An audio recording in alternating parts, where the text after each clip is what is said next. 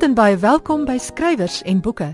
Jy's ingeskakel by RSG en ek is Corina van der Spool. Indien jy op pad is na die KAK&K in Oudtshoorn, moet jy seker maak dat jy nie RSG se aanbieding in die NA Smitkamer in die CPNL museum misloop nie. Die vakmanskap van die dramaturg en die letterkundige en die gebuitel van die hoorbeeldmaker klink vanjaar weer op in die CPNL museum. Kom klink 'n glasie en luister na bekroonde hoorbeelde en radiodramas uit die SAIK se klankargief. Jy sal kan luister na iemand soos Anna Netling Pool wat gedigte voorlees. Jy sal 'n hoorbeeld met Elsa Joubert kan hoor. Marius Weyers lees gedigte van Eugene Maree. Piggy Du Plessis se Teerling 1 en 2 word opgevoer en as 'n heerlike ekstra gaan daar 'n regstreekse uitsending wees van Teerling 3 met Stean Bam en Tinari van Wyk loods wat die radiodrama lewendig sal opvoer. Skop jou skoene uit, sit agteroor en drink die woorde in van ons letterkundige reuse of verlustig jou in die drama, komedie en tragedie van die radioteater. Hierdie is voorware geleentheid wat jy nie moet misloop nie. Die program word aangebied deur RSG en Sanlam en die naam daarvan is Die Byteltjie. En dit vind plaas vanaf Vrydag 29 Maart en hou aan tot Saterdag 6 April. En dit vind plaas by vanjaar se Klein Karoo Nasionale Kunstefees in Oudtshoorn.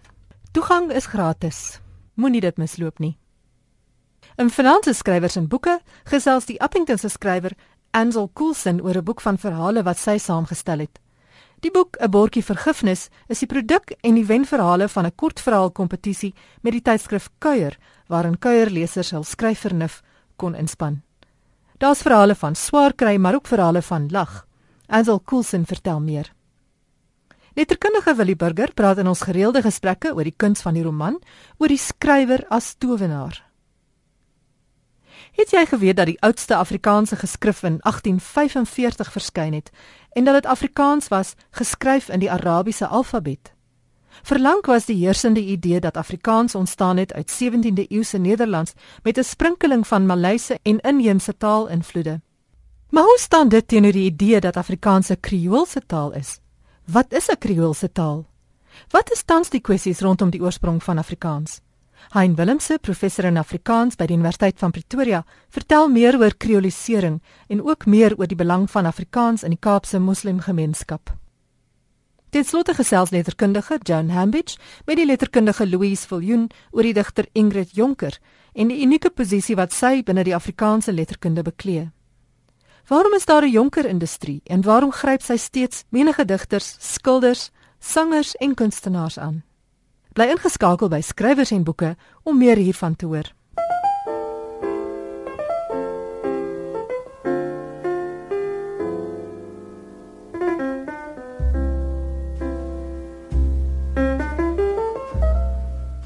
Die tydskrif Kuier het 'n kompetisie vir kortverhale uitgeskryf En die eindresultaat van die kompetisie is 'n boekie wat uitgegee is deur Lapa Uitgewers met die titel 'n bordjie vergifnis en ander stories wat al die wenkortverhale bevat. Die lesers van Kuier kon hulle skryfvernuf nou inspann. Ansel Coulson, skrywer van Appington, is die samesteller van hierdie boek. Ansel, vertel oor hoe hierdie boek tot stand gekom het. Corina, dit was 'n Lapa inisiatief. Aanvanklik wou Lapa 'n uh, 'n nuwe genre begin, jy weet iets um, in 'n Christelike inspirerende lyn. Ek en Marita Snyman het baie daaroor gepraat. Ek het al baie dagstukkies vir um Carpe Diem Media geskryf. Ons het saam besluit dit gaan iets, jy weet, dit gaan goed wees as ons fiksie, as ons iets in die lyn van kortverhale probeer. En ons het net met 'n paar tydskrifte geskakel en probeer uitvind wie belang sou stel om 'n media vernoot te wees in hierdie uh, projek. En Kuier het gesê maar hulle wil alleen reg op, op so iets hê. So dit is hoe dit jy weet hoe die hoe die baba begin het. Ja, en ek is in Januarie verlede jaar Kaap toe met kuier met Kay Karin en ja, so is die kompetisie begin. Ek lees dat jy meer as 200 inskrywings gekry het. So daar's regtig duidelike 'n behoefte by mense om 'n uitlaatklep te hê vir vir so, kortverhale. Ja, weet jy wat my opgeval het van hierdie inskrywings is dat daar was baie handgeskrewe stories en jy kon sien dis mense wat regtig in moeilike omstandighede 'n lewe probeer maak en hulle het baie van hierdie stories wat was op een enkel folio geskryf en dan is dit bloot net hierdie vrou wat wat net 'n behoefte gehad het om uiting te gee en dit wat met haar wat aangaan in haar lewe. Nee, dit was nie altyd kort verhaal materiaal nie, dit was sy het net 'n uitlaatklep gesoek. En ongelukkig moes ek weer al daai stories werk, jy weet, want jy jy kan nie iets op grond van ehm um, omdat dit nie getik is nie lees nie, want jy weet nooit watter ehm um, rowwe diamant skuil daar in so 'n storie nie. Wie is die skrywers wat die toe die boekie gehaal het? Weet jy, die wenverhaal is geskryf deur 'n onderwyseres van Bloemfontein, Jonah Alexander. Vreemd genoeg het sy blykbaar voorheen ook al uh, probeer kortverhale skryf. Sy so, die opvolgverhaal, die tweede verhaal was uh Melinda McDonald het 'n baie oulike verhaal geskryf en dan het ons natuurlik mos na die vier celebrities gevra om aanvanklik te saam te skryf aan hierdie storie uh, aan hierdie kortverhaalbundel. Uh Christo Davids, Denise Newman, Jornay van Huisteen van OFM en Amy Kleinhans het, het almal deelgeneem aan hierdie. En wat vir my lekker was is dat hierdie twee verskillende wêrelde, hierdie bekende mense bereid was om saam te werk met die gewone man op straat, jy weet die gewone leser, gewone aspirant skrywer. Dis wat vir my hierdie bundel so kosbaar maak. Die titelverhaal is ook die wenverhaal 'n bordjie vergifnis deur Joanna Alexander. Wat het dit laat uitstaan en waar gaan dit? Weet jy, 'n bordjie vergifnis is verhaal wat vertel word vanuit 'n ma se oogpunt hoe haar seun betrokke geraak het een aand tydens 'n partytjie by 'n bekleierery en hoe hy toe iemand uit die gemeenskap 'n bekende vermoor het en dan is hy tronk toe gestuur en op hierdie spesifieke oggend wag hierdie ma vir haar kind hy word vrygelaat. Um, maar in hierdie tyd wat hy in gevangenis was, het die gemeenskap haar totaal en al verwerp. Sy het uitgeworpene geword en sy was glad nie meer aanvaar deur die gemeenskap nie. Maar die oggend toe hy vrygelaat word, is die oggend toe die gemeenskap weer hulle hand na haar uitgereik het en haar vergewe het. Ek het die moeilike taak gehad om die verhale te kies wat wat um, in die bundel opgeneem moet word. Ek moes ek en Elsabeth Stewes, sy is ook by Napa Uitgewers, ons moes gaan kyk na watter verhale die beste is wat regtig uitstaan. Dit was vir my die heerlikste om daai wen van of die beste verhale vir kuier te stuur en te vra, besluit julle. Want nou ehm um, het ek nou met die skrywers te doen begin hê en ek jy weet mens ontwikkel jou eie smaak en opinie na ruk. So hulle het nou heeltemal anoniem gaan sit en besluit watter verhaal moet wen. En soos wat die redakteur vir my gesê het van kuier 'n bordjie vergifnis is net daai tipe verhaal wat aanklank vind by hulle lesers. Ehm um, sal my elke leser homself kan vereenselwig. Dit is 'n verhaal van geweld soos wat daar ook ander verhale is van geweld teen vroue. Daar's veral oor armoede. Is daar deurlopende temas wat jy kon eh, optel uit die verhale en dink jy dat dit autobiografies was? Ek dink nie dit is in alle gevalle autobiografies nie, veral nie die verhale wat in die bundel opgeteken is nie. Ehm um, as ek sou oordeel aan die inskrywings wat ons ontvang het, sou ek dink ongeveer 70 en meer uh, 70% en meer daarvan is dalk autobiografies. Maar die verhale wat ons gekies het, as ek nou dink, ek het met die skrywer byvoorbeeld van die kortverhaal Ek werk sommer juffrou deur eh, Melinda McDonald.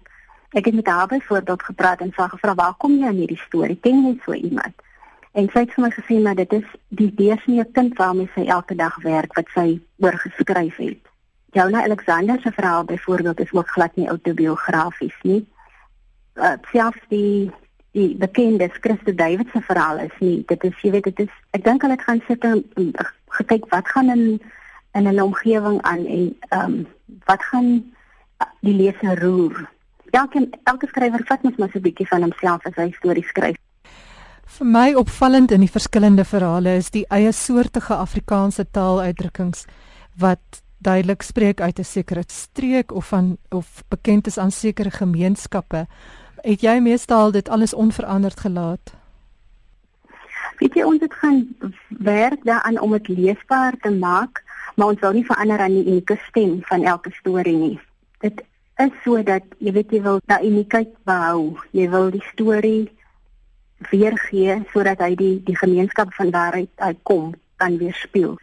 Dit is my interessant dat in ons klein gemeenskap is, is daar uitdruk of uitdrukkings wat net mense van daai streek of mense wat jy weet wat dieselfde taal praat, dieselfde dialek praat, hulle sal verstaan wat hulle bedoel. Volgende persoon sal dink my hierdie sin is nou grammatikaal verkeerd of jy bedoel iets heeltemal anders met wat jy probeer met die uitdrukking wat jy gebruik.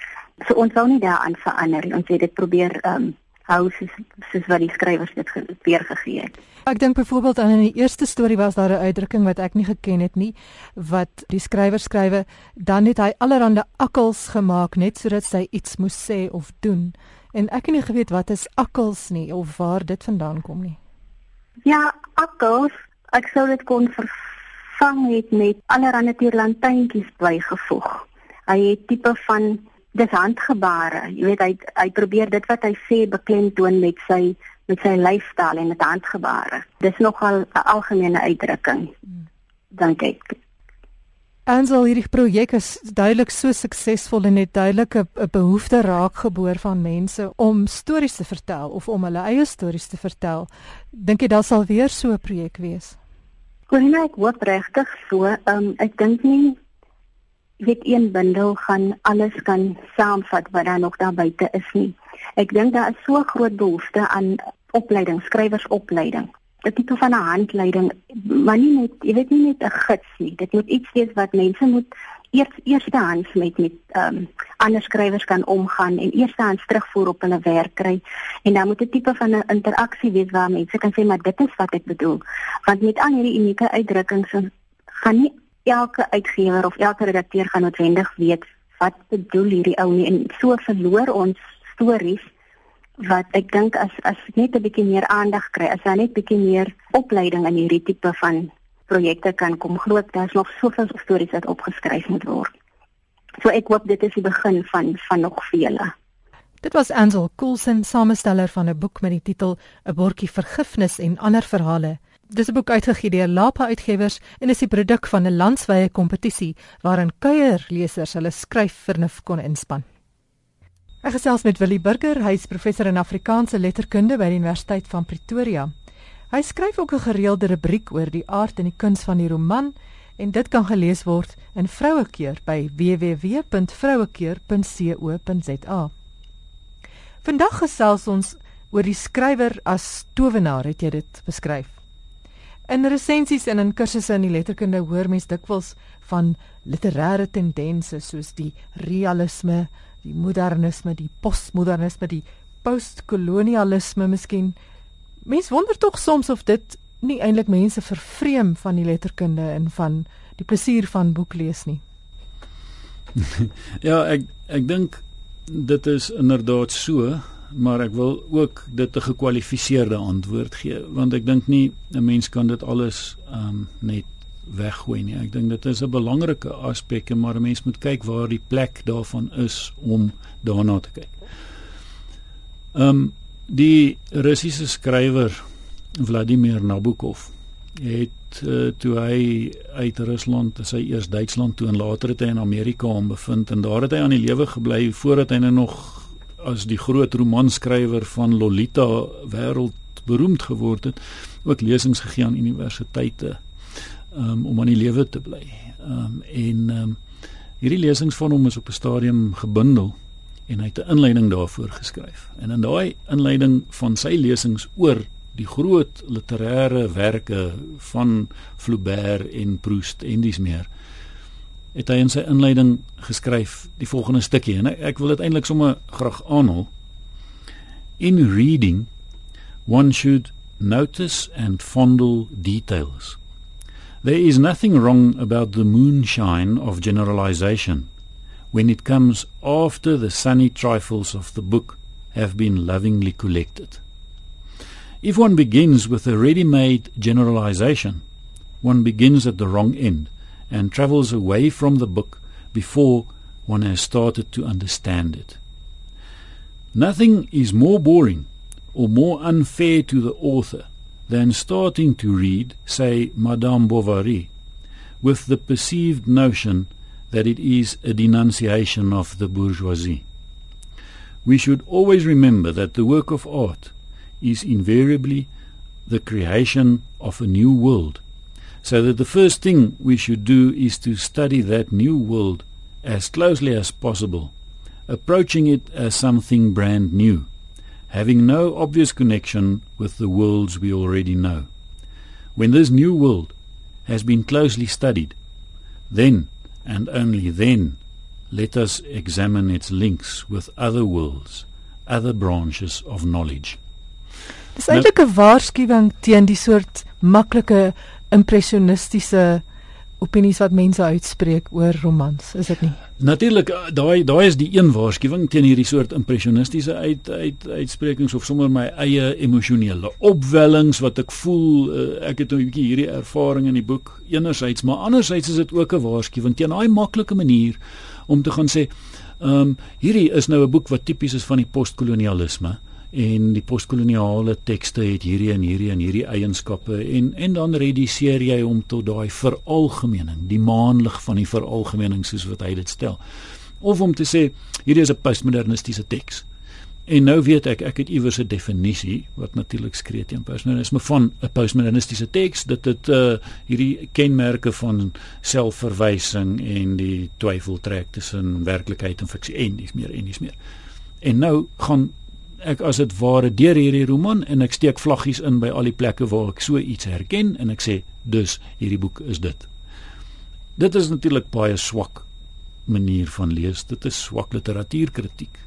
En wanneer 'n mens dan terme soos daai wat jy genoem het aan die begin van die gesprek, modernisme of realisme of postmodernisme of poststrukturaliteit of identiteitspolitiek of wat ook al, um, op daai manier gebruik, dan dink ek is jy eintlik besig om die literêre tekste en soos hy Nabokov sê weet unfair to the author. Jy en jy jy laat nie toe dat hierdie roman dat hierdie gedig iets vir jou kan wees nie. Mens moet eers sê hy kyk by daai klein stukkie sonlig van wat oënskynlik selfs triviaal is wat sommer sulke los stukkies is van die roman en op daai momente konsentreer. En wanneer en hy sê ook hy sê um the sunny trifles of the book have been lovingly collected. Daar is 'n soort liefdesdaad daar, in 'n soort oopstel van jouself vir hierdie roman, vir hierdie kunswerk en by mekaar maak. Ons het al tevore gepraat oor al die aspekte van die roman wat mens kan na kyk en en kyk wat kan ek belig en en wat is hier uit hierdie roman wat my opval en om dan eers van daar af nadat ek hierdie wêreld as dit ware tot stand gebring het deur my leesproses te gaan kyk na hoe pas dit nou in en wat is die kommentaar? En dan kan ek krities ook daarna gaan begin kyk. Maar dit sou onwenslik wees en on eintlik onwaarderend en ek dink partykeer ehm um, kry mens die soort literatuurstudie en ek het persoonlik 'n probleem daarmee waar 'n mens eintlik die romans net gaan lees om te probeer vasstel wat was die ehm um, rasverhoudings um, in die 20er of 30er jare en ons gaan kyk na hoe dit in die romans uit daardie tyd geskryf word. Of wat is die verhoudings tussen mans en vrouens gewees in die 20er jare? Kom ons gaan lees 'n paar van daai romans dan is ek eintlik besig met 'n soort sosiale geskiedenis en ek kan net sowel net so goed gaan kyk dit in 'n klompie ander tekste van daai tyd wat daarin gedoen word. En die soort navorsing kan net sowel gedoen word deur 'n sosioloog of 'n historikus maar om hierdie soort liefderyke liefdevolle leeswerk te doen die roman die gedig in die eerste plek as roman of gedig te lees Dit is die taak van die literêre kritikus. Waarmee ek nie sê en ek dis ver daarvan wat ek wil bepleit dat ons moet ehm um, elke teks net in isolasie gaan lees en en net hierdie ou teksie nou gaan lees en die saak uh, en dat dit nie vir ons saak maak wat ehm um, daardeur uitgesluit word of wat daardeur ehm um, op sekere maniere die tyd van die teks en die omstandighede waarin dit geskryf is gaan negeer nie glad nie. Dis nie wat ek daarmee sê nie. Ek sê net dit moenie die vertrekpunt wees nie. Want dan val 'n mens te maklik in die slaggat dat jy deur die lens van 'n veralgemening na hierdie buitengewone werk hierdie spesiale werk gaan kyk. En en dat jy verloor dit wat jy daarin gaan uh, kon gaan kry. Jy weet dit is nie vir my asof 'n ou dit so maklik doen met musiek nie. As jy musiek gaan luister, dan gaan jy beswaarlik net dink aan Beethoven, die groot roman uh, romantikus en sê nou moet ek alles daardeur afhaal. Ehm um, so ek kan maar net die simfonie gou klaar luister dat ek nou kan sê dit is tipies van die romantiek. Ehm um, terwyl ek tog eerder eers net die musiek luister, nê? Nee, en dat ek selfs daardeur op 'n manier meegevoer kan raak. En die doel daarvan is ook nie om by die einde daarvan te kom en 'n paar vlaggies in te druk en te sê ek het dit en dit raak gehoor nie. En tog doen 'n mens dit lyk vir my bietjie makliker wanneer dit kom by die by die literatuur. Dit lyk vir my vir mense as leser die kuns moet behou om betower te word deur romans. Dit was Willie Burger wat gesels oor die roman en die kuns van die roman.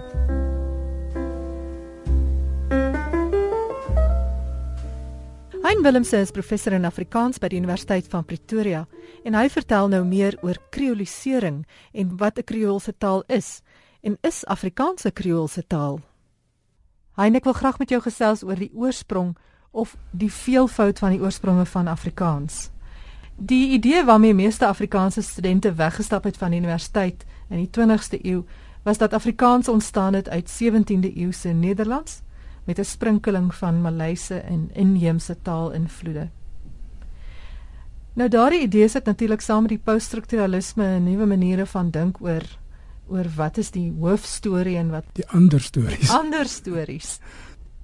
Daardie posisie het eintlik verander. Daar is selfs mense wat reken dat Afrikaans 'n Kreoolse taal is. Kom ons praat oor die oorsprong af van Afrikaans. Is dit 'n Kreoolse taal en wat is 'n Kreoolse taal? Wel, dis 'n baie groot vraag. Laat ek net dit sê dat ek is nie 'n uh, taalkundige nie. So ek wil my altyd weg wegskram van daardie idees af as as jy weet en ek staan nie 'n kern in daardie debat nie. Maar wat wel belangrik is is dat kom ek gaan na die eerste punt wat jy gemaak het rondom die oorspronge van Afrikaans. Ek dink toenemend en ek dink dit is nou al 'n ding wat lank met ons aankom. En uh, ten minste die afgelope 30, 35 jaar of meer. Is dit Afrikaans het nie net een geskiedenis nie. Nee, Afrikaans het 'n veelvoud van geskiedenisse. Het 'n uh, daar's 'n uh, 'n aantal aanlope tot Afrikaans wat wat 'n mens moet begryp en verstaan. En ek dink dis altyd 'n groot fout om te dink daar is een soort manier om te kyk na na ons wêreld. En die aspek van kreolisering is juis dat kom ons kyk nou wat is die ander invloede wat daar is. Nee, dit is die wyse waarop kreoolse tale tot stand kom is nie noodwendig soos altyd gereken word die kwessie van vermenging as sodanig nie. Dis 'n kwessie van as allerlei aspekte in die taal wat wat 'n rol speel verswakking, verandering en so meer wat wat 'n rol speel in terme van die taal. Die invloede van ander of naasliggende tale, die invloed van meer as een taal en so meer. Die basiese aanname is en ek dink dat toe toe vandag in die in die in die akademiese literatuur weinig uh probleme om Afrikaans te definieer as inderdaad 'n Kreoolse taal wat uit 'n Kreoolse wêreld as jy dit so kan stel tot stand gekom het. Nou die ek dink daardie aspek is is iets wat wat ek dink toenemend soos ek gesê het deur deur uh, vakkundiges uh, maar dit vir hulle is dit nie meer 'n debat nie. Uh Afrikaans word dikwels behandel by van hierdie organisasies wat uh, vakorganisasies wat hulle besig hou met die idee van die kreolistiek. So uh daardie idee van Afrikaans as 'n suiwer enige iets, so jy weet 'n suiwer Nederlands of 'n suiwer verswakte Nederlands of wat die terme ook al is, is vandag nie meer 'n geldige en 'n vaardige een nie. En ek dink dit is tot ons tot ons voordeel want dit gaan hier oor oor die erkenning van die breë veelvoud van van invloede en akteurs wat 'n rol gespeel het in die ontwikkeling van Afrikaans, die totstandkoming van Afrikaans. Dit ontken nie die belangrike rol wat nasionalisme gespeel het nie. Maar nasionalisme het ook 'n twee is ook 'n tweestrydende swart natuurlik. Aan die een kant uh, is dit al dra dit by tot die strukturering, die eenheidsgevoel en so meer. Aan die ander kant is dit 'n absolute vernietigende, het dit 'n vernietigende uitwerking op die persepsie van taal en die wyse waarop taal hanteer word. En ons het dit in Suid-Afrika gesien. Die grootskaalse vervreemding wat jy van byvoorbeeld swart Afrikaanse Afrikaanssprekers kry, is regstreeks te wy aan die aan die die streamende die die stemmende rol wat wat wat uh, wat nasionalisme gespeel het. So mense moet uh, wanneer jy oor hierdie ding praat, moet mense dink ek met redelike oop oë kyk daarna. Nou ja, jy het geskryf oor die historikus en gemeenskapswerker Ahmad Davids en hy het self ook geskryf oor iets anders wat 'n mens leer op universiteit is dat waarskynlik die oudste Afrikaanse geskrif dateer al reeds van 1845 wat 'n Arabies Afrikaanse hmm. geskrif was. Kan jy uh, meer vertel oor wie Ahmad Davids was en wat was sy bydrae tot die studie van Afrikaans? Wel Ahmad Davids kom natuurlik is nie 'n opgeleide, het nie na Afrikaans gekom as 'n opgeleide linguist of sosiolinguist nie. Uh maar hy was 'n besonder indrukwekkende mens in baie vele opsigte, 'n intellektueel en vele opsigte historikus wat 'n grootskaals bygedra het tot die beskrywing van van die rol en plek van die Kaapse moslems uh, of die Kaapse moslems sou ons hier bonie bote sê.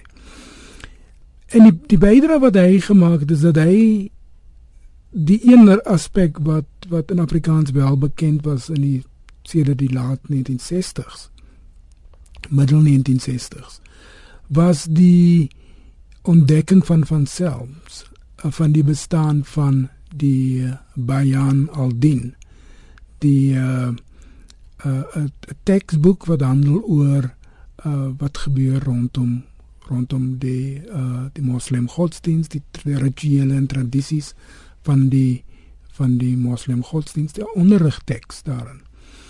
En Ahmad het dit as 'n beginpunt geneem en ontdek dat daar eintlik baie meer is. Dat die die Kaapse moslim gemeenskap waarvan hy uh, baie belangrike deel was letterlik 'n tradisie van skryf in Afrikaans gehad het. In die in, 1800 in die 8 in die laat 1800s, die 19de eeu en in vir 'n groot deel van die 20ste eeu in Arabies in die Arabiese skrif. Daai wyse van skryf op die die skryf van Afrikaans in in, in die Arabiese skrif staan bekend as ayami of ayami tekste. En hierdie en Ahmed het hier na hierdie ayami tekste gaan kyk en vasgestel soos jy nou net gesê het dat van die vroegste tekste reeds in 1845 geskryf is. Sommige daarvan is veel vroeër ook. Maar baie van die tekste natuurlik verlore gegaan. En dis hierdie manuskripte wat wat ek dink 'n baie belangrike deel van ons kultuurskat is wat eintlik onontdek en onderontdek is en onderbeklemtoon word. Maar dit is 'n baie belangrike aspek want dit bring vir die uh, 'n punt wat iemand soos Ahmed Davids maak is dat van die standaardiseringsprosesse byvoorbeeld rondom Afrikaans het reeds plaasgevind in die uh, laaste 3 kwart van van die 19de eeu toe van die imams byvoorbeeld Afrikaans geskryf het en 'n proses van standaardisering ondergaan het. Terwyl die soort geskiedenis wat ons leer in skole wat ons vir studente leer is dat dit eers plaasgevind het rondom uh die tyd van die oprigting van die Akademie vir Wetenskap en Kuns, né? Nee? Uh wat in die 20ste eeu was. Wat wat in die begin van die 20ste eeu was. So daardie verskywing wat jy daar kry in terme van perspektief is 'n baie belangrike een. Die rol en plek van Afrikaans in die in godsdienst in godsdienstleiding vir 'n groot deel van die van die voorafgaande eeu.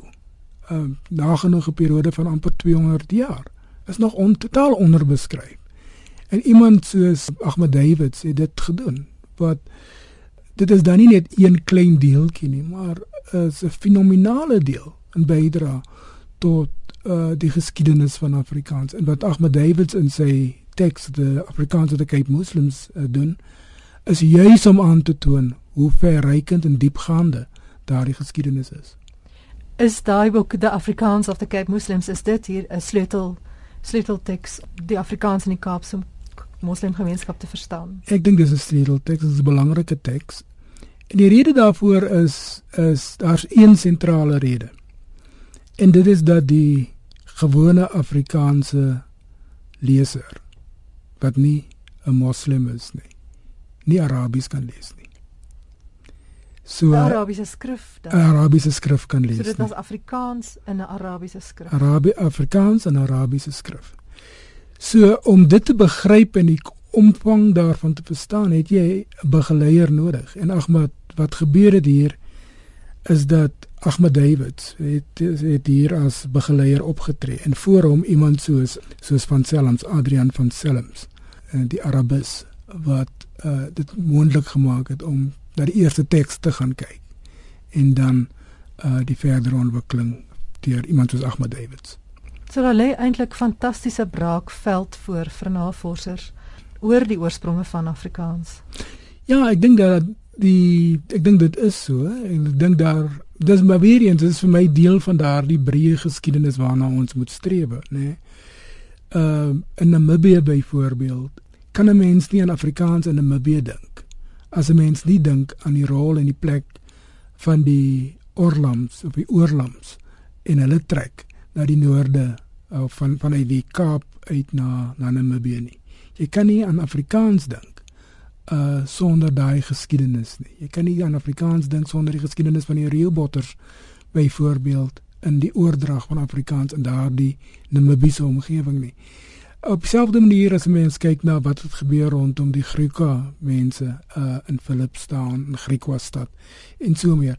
So my ingesteld ten opsigte van hierdie geskiedenis rondom Afrikaans is dat dit 'n veelvoud van geskiedenis uh van geskiedenisse is.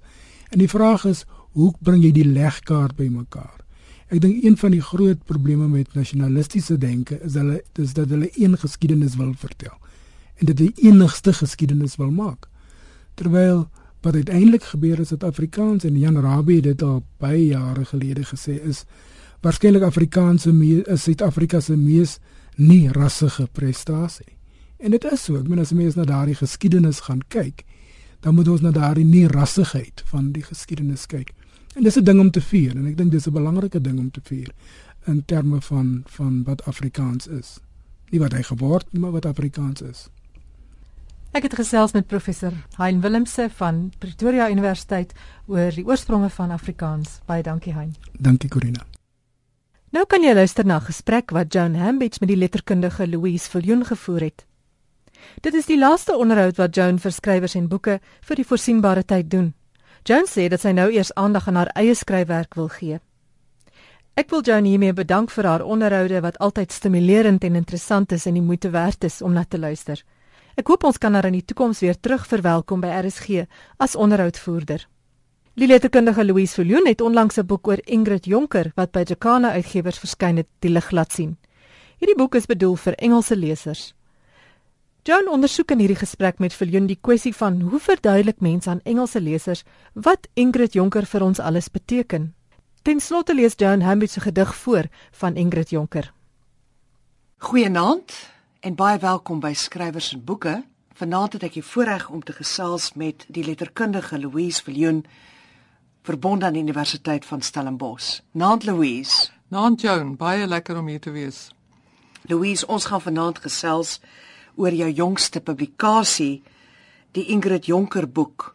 Nou hoe het dit gekom dat jy gevra is om 'n boek oor Ingrid Jonker te skryf en boonop in Engels? Uh Jacana Media gee so 'n hele reeks van uh pocket biographies uit oor uh Suid-Afrikaners. Uh daar's ook sulke sakboekies oor uh verskillende onderwerpe soos die rotskuns, die Anglo-Boereoorlog ensovoorts. En een van hulle redakteurs, um, Russell Martin, het my genader om oor Jonker te skryf. Ek weet nie presies by wie hy uh van my gehoor het of hoe hy my werk ken nie, maar uh, ek het die uitnodiging gekry en uh, besluit om dit te aanvaar.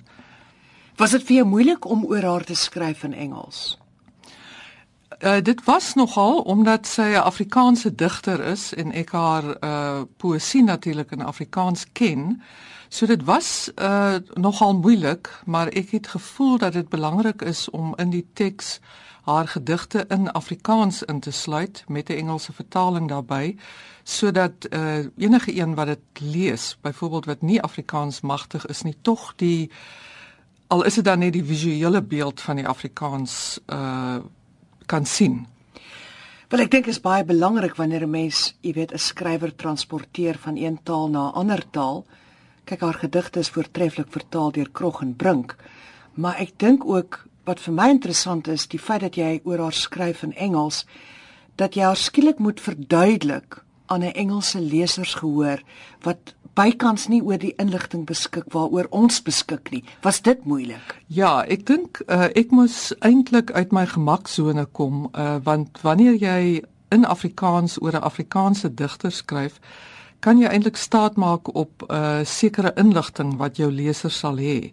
Jy hoef nie te verduidelik nie, maar wanneer jy skryf vir 'n Engelse gehoor, 'n Engelse Suid-Afrikaanse gehoor wat miskien nie haar werk ken nie, en die boek gaan ook in Amerika uitgegee word deur Ohio University Press, dan moet jy skryf eintlik vir mense wat niks van Jonker weet nie. So jy moet uh sorg dra dat jy eintlik die agtergrond vir hulle verduidelik, uh dat jy die konteks vir hulle stel. En dit was vir my nogal belangrik dat lesers die konteks waarbinne sy uh geskryf het, waarbinne sy geleef het, dat hulle dit moes verstaan. Wel jy doen dit uitstekend want jy situeer haar dadelik binne die ruimte van medeskrywers en vriende soos Breitenberg, Brink, Jack Cope, Marjorie. Wallace, Jan Rabie en jy verduidelik eintlik ook hoe hierdie figure haar gesien het, die vriendskappe wat ontstaan het, die ontsporings van vriendskappe, haar politieke gewete, haar risie met haar pa en so meer. Ja, ek dink dit is 'n 'n baie belangrike aspek uh, van haar lewe en eintlik ook haar kreatiwiteit. Ek dink sy het die kreatiewe drang gehad lank voordat sy uh die ander Afrikaanse en Engelse skrywers ontmoet het. Maar ek dink dit is beslis verfyn deur haar kontak met hulle en dit is ontgin en dit is geëksploreer op 'n manier wat dit nie sou wees as sy nie vir Jan Rabie, vir Eyskriege, vir Jack Cope en later ook vir Andre Brink ontmoet het nie. Ek dink hulle uh, het 'n besonder belangrike invloed op haar lewe gehad, op haar kreatiwiteit, op haar skryfwerk en daarom het ek gedink dit is belangrik dat 'n mens hulle noem. Sy is natuurlik binne die Afrikaanse letterkunde 'n mitologiese figuur, bykans soos Sylvia Plath binne die Engelse letterkunde of Anne Sexton. Vir my is die ooreenkoms met Anne Sexton baie dwingend. Ek dink byvoorbeeld aan die komplekse verhouding met haar dogter en die psigoanalis wat private inligting aan 'n koerant verklap het. Hy terapie sessies verkoop en so meer. Nou hoe werk 'n mens met hierdie hele spanning tussen die private en die openbare? Ek dink dit is nogal 'n baie komplekse gegewe en ek het heelwat geleer deur die uh, verskillende biografieë oor Sylvia Plath lees en dan ook uh Diane Wood Middlebrook se biografie oor Anne Sexton omdat beide daardie twee uh digteresse selfmoord gepleeg het is dit eintlik voor die hand liggend om hulle te vergelyk met uh Ingrid Jonker. Daar is uh, talle ooreenkomste tussen haar en Sylvia Plath. Hulle is omtrent op dieselfde ouderdom dood. Uh hulle was beide vroue wat kinders gehad het, uh jong kinders. Hulle is uh deur die mans in hulle lewe verlaat ensovoorts. Uh hulle het ook albei 'n vaderkompleks gelei. Ja, ek dink uh dit is net so 'n belangrike kwessie en ek dink beide van hulle het 'n soort poesie geskryf wat in daardie jare eintlik grensdeurbrekend was vir vroue. Ek dink Ingrid Jonker se werk word in daardie opsig miskien 'n bietjie onderskat dat sy eintlik sekere kwessies aangeroer het, sekere temas aangeroer het in die 50er jare reeds veral in die vroeg 60er jare wat jy nog nie by Afrikaanse vroue digters gekry het nie. So ek dink uh daar is vir my sterk raakpunte tussen haar en ehm um, Sylvia Plath baie voor die hand liggend. Ek dink daar is ook uh ooreenkomste met Anne Sexton. Alhoewel Anne Sexton uh, 'n uh, ouer vrou was toe sy selfmoord gepleeg het in haar 40er jare, ek het ook die indruk dat uh, Anne Sexton ehm uh, miskien in 'n sekere sin 'n meer robuuste karakter was as wat uh Ingrid Jonker was. uh Jonker miskien meer kwesbaar. En Sexton het uh tog 'n bepaalde soort selfvertroue gehad ten spyte van die feit dat sy psigologies gekweld was. Het sy 'n sekere soort selfvertroue uh uitgestraal dink ek wat 'n mens nie by uh Ingrid Jonker gekry het nie. So ek dink daar lê eintlik baie interessante materiaal uh indien mense vergelyking wil doen. En ek dink ook uh, die interessante ding natuurlik van ehm um, Anne Sexton is is dat uh, Middelbrook het die psigologiese rekords gekry wat uh Anne Sexton se psigiater beskikbaar gestel het sodat sy haar uh biografie daarop kan baseer. En dit verskil 'n bietjie van die geval van Ingrid Jonker waar die sielkundige uh, Lukas van der Merwe eintlik onderhoude met mense wat haar geken het opgeneem het in sy doktorale studie oor haar en ehm um, dit baie jare later ook gepubliseer het. So daar is verskille, maar ook boeiende ooreenkomste dink ek. Wat natuurlik ook interessant is is dat Plath en Anne Sexton was skryfstudente van Robert Lowell en aanvanklik in die kursus was Anne Sexton baie skaam geweest en baie bang om haarself jy weet voor te stel aan hom en dit was eintlik deur middel van Plath dat sy eintlik baie selfvertroue gekry het in haar skryfwerk. En ek gaan absoluut met jou akkoord dat ek dink 'n mens baie keer vergeet watter belangrike posisie as vroue skrywer het Ingrid Jonker in Afrikaans vertolk. Ek lees byvoorbeeld die kind nie net as 'n politieke gedig nie. Ek lees dit ook as 'n pynlike verslag van die abortus waarvan sy nooit herstel het nie. Ja, dit is dit is 'n interessante lesing. Uh ek dink dit sal waarskynlik moeilik wees om uh te bewys maar ek dink dit is 'n interessante lesing waaroor 'n mens kan spekuleer. Ek dink die wyse waarop sy oor vroulikheid en moederskap geskryf het was wel grensdeurbrekend haar voorganger is Elisabeth Eybers maar sy skryf in 'n heeltemal ander toonaard as uh Elisabeth Eybers oor daardie selfde kwessies En ek dink in daardie opsig uh, was sy grensdeurbrekend in Afrikaans en omdat sy so klein oeuvre nagelaat het, dink ek word daardie element van haar werk bytelmal nie raak gesien nie. Maar dit miskien ook te maak met die feit dat sy 'n mitologiese figuur is en dat mense eintlik meer kyk na die selfmoord en die tragiese einde dat hulle baie keer vergeet binne watter konteks het sy geskryf en hoe moeilik dit vir haar was om te skryf want sy moes haarself byvoorbeeld onderhou en so meer. Ja, ek dink dit is inderdaad so dat uh, haar selfmoord en haar uh, ongelukkige liefdeslewe eintlik baie aandag kry. En mense wonder partymal waarom uh, sy so durende invloed is of so uh populêr bly na al die jare. En ek het myself daardie vraag afgevra en ek ek het besef dat as dit nie vir haar poësie was nie, sou sy vergeet gewees het.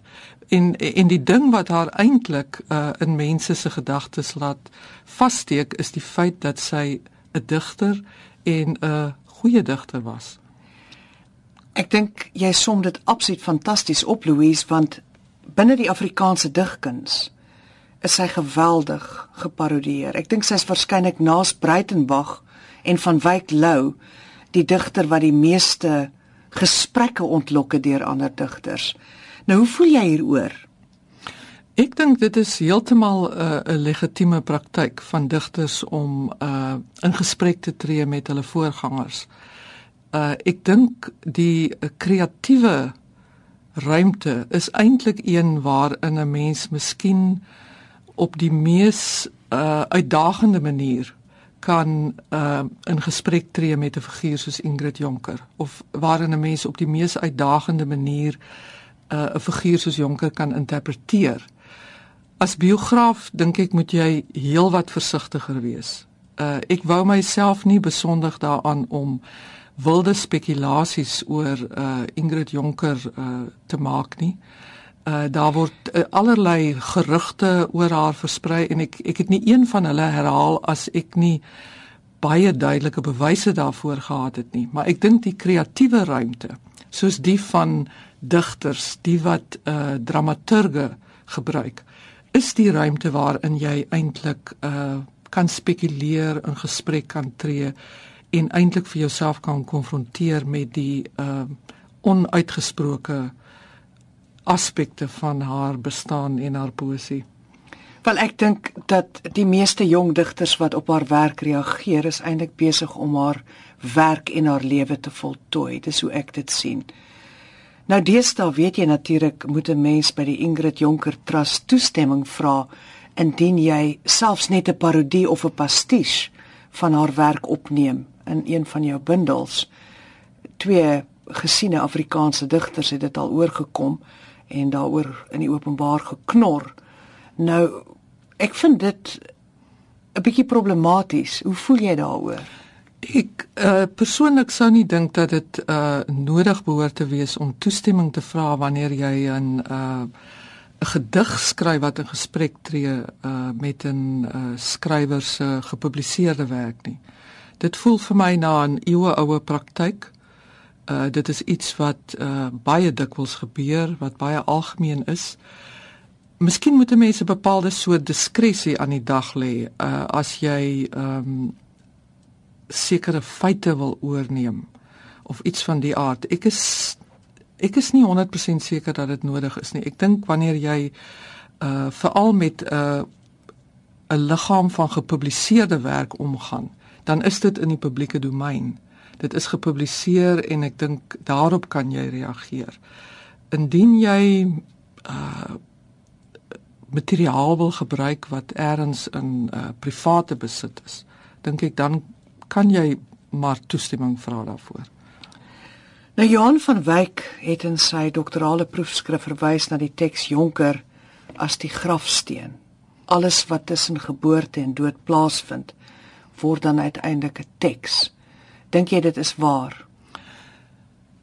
Ek dink binne 'n sekere leestradisie kan 'n mens dit so sien. Uh Johan van Wyk het sy studie gedoen in die vroeë 80er jare en ek dink uh teen die agtergrond van die groot belangstelling in die psigoanalitiese literatuurstudie.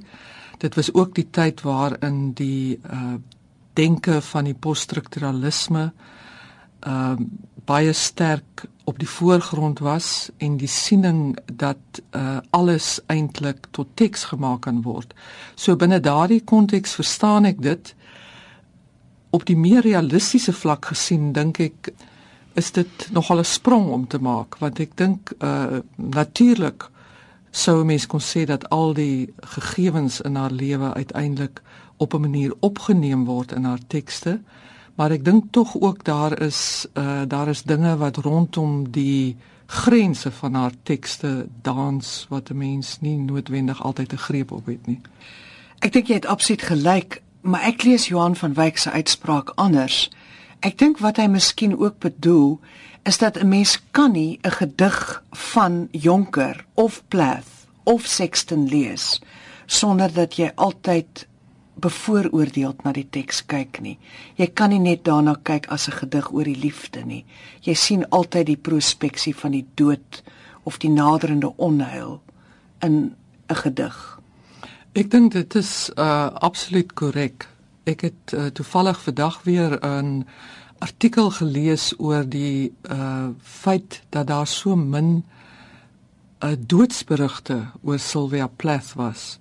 En uh, in die berig sê die skrywer van die artikel uh jy kan eintlik nie 'n gedig van Sylvia Plath lees sonder dat jy die hele en dan sou mens kon sê teks van haar lewe daarbey lees nie.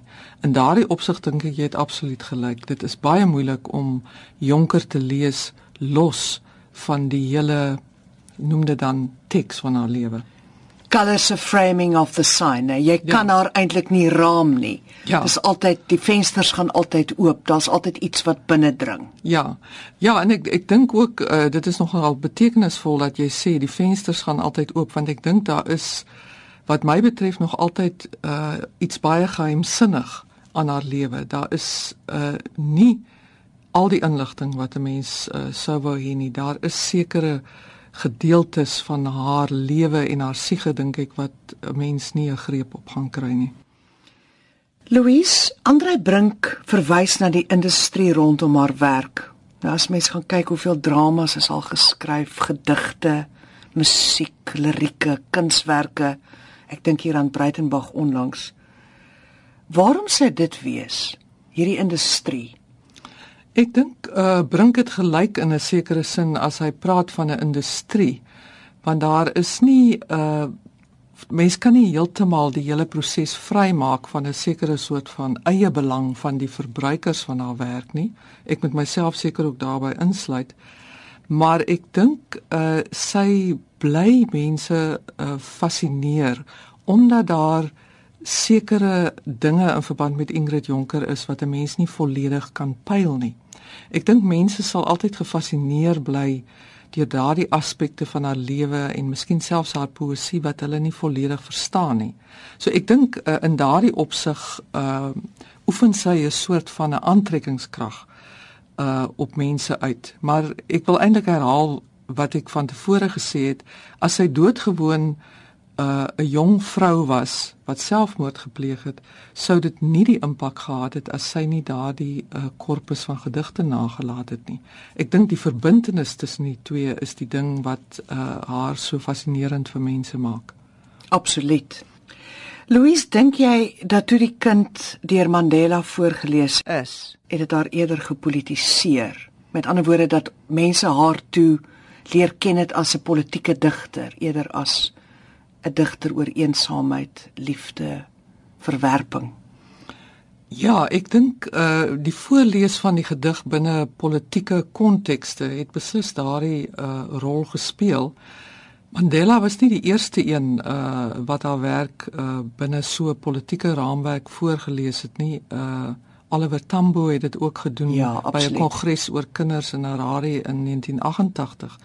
So uh, ek dink inderdaad gee dit dan aan 'n uh, digter van wie die meeste Suid-Afrikaners in daardie stadium geen ander gedigte geken het nie, gee dit aan haar 'n soort van 'n politieke allure. Maar ek dink 'n mens moet ook nie heeltemal ontken dat sy wel 'n uh, 'n po polities bewuste en miskien ook 'n polities reaktiewe digter was nie. Ek dink nie sy was 'n 'n uh, politieke wese in die uh oordrewe sin van die woord nie. Ek dink ook nie sy was 'n politieke aktivis nie, maar dat sy gereageer het op die uh politieke omstandighede van die tyd. Uh dit is beslis so. As 'n mens gaan kyk na haar geskiedenis, dan sal 'n mens sien dat sy in haar briewe aan vriende skryf oor die politieke gebeure van die dag, die republiek. Die risie met die pa. Ja, die republiekwording, uh die uh stakings wat daar was, uh die uh, polisie optredes en so aan. So sy skryf in haar persoonlike korrespondensie uh, met mense, skryf sy daaroor. Dit is beslis iets wat in haar gemoed leef en sy reageer daarop. En ek dink wat vir my nogal belangrik is is dat sy ten spyte van die geweldige behoefte om haar pa se goedkeuring te kry, eintlik nie anders kan as om hom te te gaan wanneer dit gaan oor iets so sensuur en oor iets uh, soos politieke verset nie korreltjie sand. Korreltjie, korreltjie sand, klippie gerol in my hand. Klippie gesteek in my sak, word korreltjie klein en plat. Sonnetjie groot in die blou, ek maak net 'n oogie van jou. Blink in my korreltjie klippie, dit is genoeg vir die rukkie. Kindjie wat skree die skoot, niks in die wêreld is groot. Stilletjies lag nou en praat, stilte in doodloopstraat wêreldjie rond en aardblou, korreltjie maak ek van jou. Huisie met deur en twee skreefies, tuintjie met blou madeliefies. Pyltjie geveer en verskiet. Liefde verklein in die niet. Timmerman bou aan 'n kus. Ek maak my gereed vir die niks. Dit was dan Jan Hambidge in gesprek met Louise Viljoen oor Ingrid Jonker, vanaand in skrywers en boeke. Ons groet Joan vereers, maar ek hoop ons sal haar weer hoor op skrywers en boeke. Luister elke woensdag aand om 8uur na skrywers en boeke. Daar's ook 'n potgooi van die program beskikbaar op RSG se webtuiste by www.rsg.co.za. Jy kan ook na 'n herhaling van die program luister elke Saterdag nag na middernag op deurnag van 1 tot 2. Ek is Corina van der Spool en ek groet ook nou eers vir al die luisteraars van skrywers en boeke. Vanaand is die laaste keer wat ek skrywers en boeke aanbied. Baie dankie aan al die getroue luisteraars van hierdie boekeprogram en ook vir al die terugvoer wat ek gereeld ontvang het. Dit was 'n voorreg en 'n plesier om hierdie program aan te bied. Dankie dat jy ingeskakel het. In April maand sal daar voorbeelde uitgesaai word van van ons belangrikste skrywers wat opgeneem is tydens die onlangse woordfees in Stellenbosch. Moenie skrywers en boeke elke woensdag aand om 8uur mis nie. Ek is Corina van der Spool en ek groet jou. Thank you.